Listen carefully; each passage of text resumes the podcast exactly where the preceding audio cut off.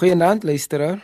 Ek hoop jy het in die tyd geleer dat dit soms goed gaan met mense wat slegte goed doen en soms sleg gaan met mense wat goeie goed doen. Ek vra myself daai vraag baie keer af en ek dink baie van julle ook.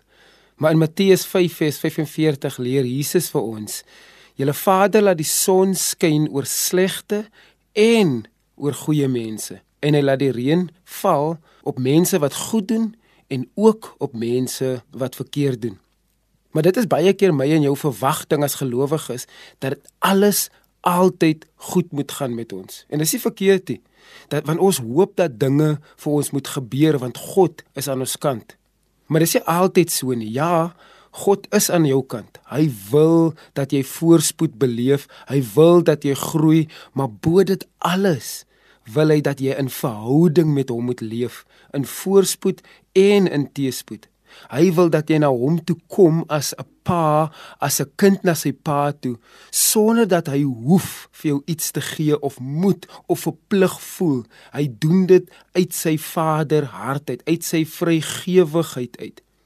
En dit is wanneer ons die beste groei beleef. Dis wanneer ons sê ek wil met God in verhouding leef met of sonder dit wat ek van hom vra.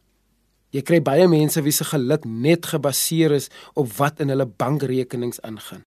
Ek en jy hou egter vas aan 'n groter realiteit en sy naam is Jesus.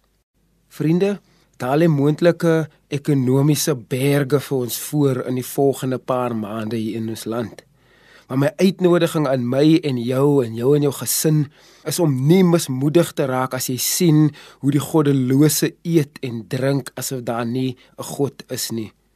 Ek en jy moet vashou aan Jesus se woorde wanneer hy vir ons sê in Johannes 16 vers 33 in die wêreld in die tyd van corona in die inperking in die pandemie gaan julle moeilike tye beleef maar hou goeie moed Ek, Jesus, het die wêreld oorwin.